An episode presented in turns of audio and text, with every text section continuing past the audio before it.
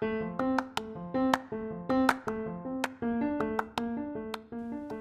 mulai masuk sama bagian membangun relasi sama sekitar di habit keempat ini. Habit keempat yaitu kemenangan bersama, atau bahasa Inggrisnya win-win solution.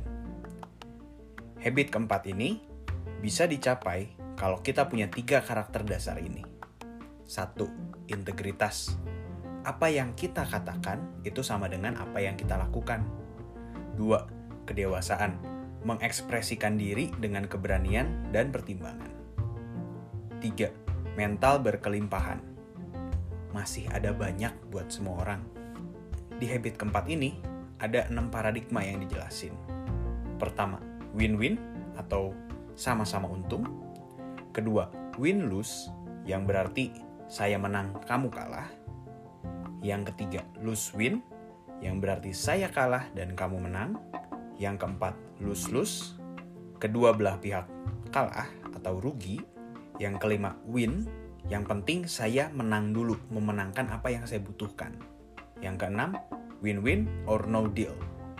Kita sama-sama untung atau lebih baik tidak ada perjanjian sama sekali. Paradigma yang pertama, win-win atau sama-sama untung.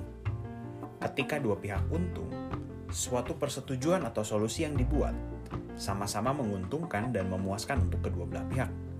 Contohnya nih, kerjasama dalam tim untuk mencapai suatu tujuan. Kamu sama tim kamu udah sama-sama punya solusi, sama-sama setuju untuk mencapai satu tujuan. Kalian semua akan sama-sama bekerja keras demi mencapai tujuan itu. Nah, paradigma selanjutnya adalah win-lose. Saya enak, kamu enggak. Orang-orang seperti ini itu punya karakter yang egois dan otoriter.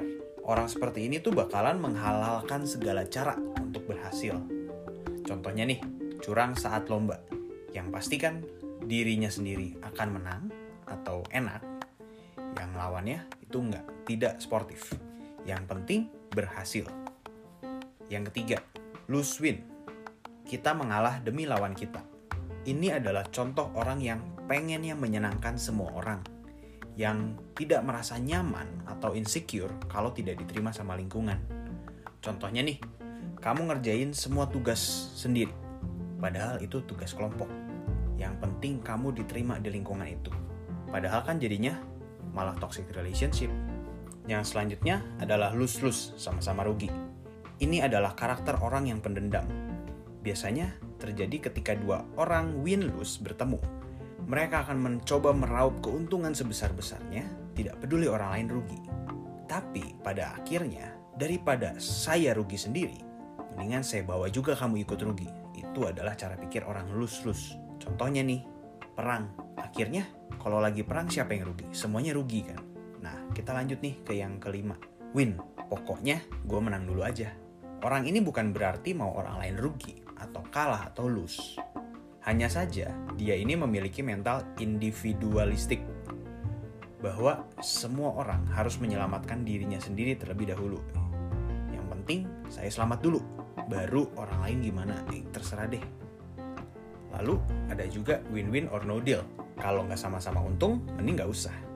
Ini nggak jelek, tapi lebih ke apa yang dilakukan ketika kita ketemu orang lain yang nggak sama-sama bisa win-win kalau nggak bisa sama-sama untung, ya lebih baik nggak usah ada kesepakatan.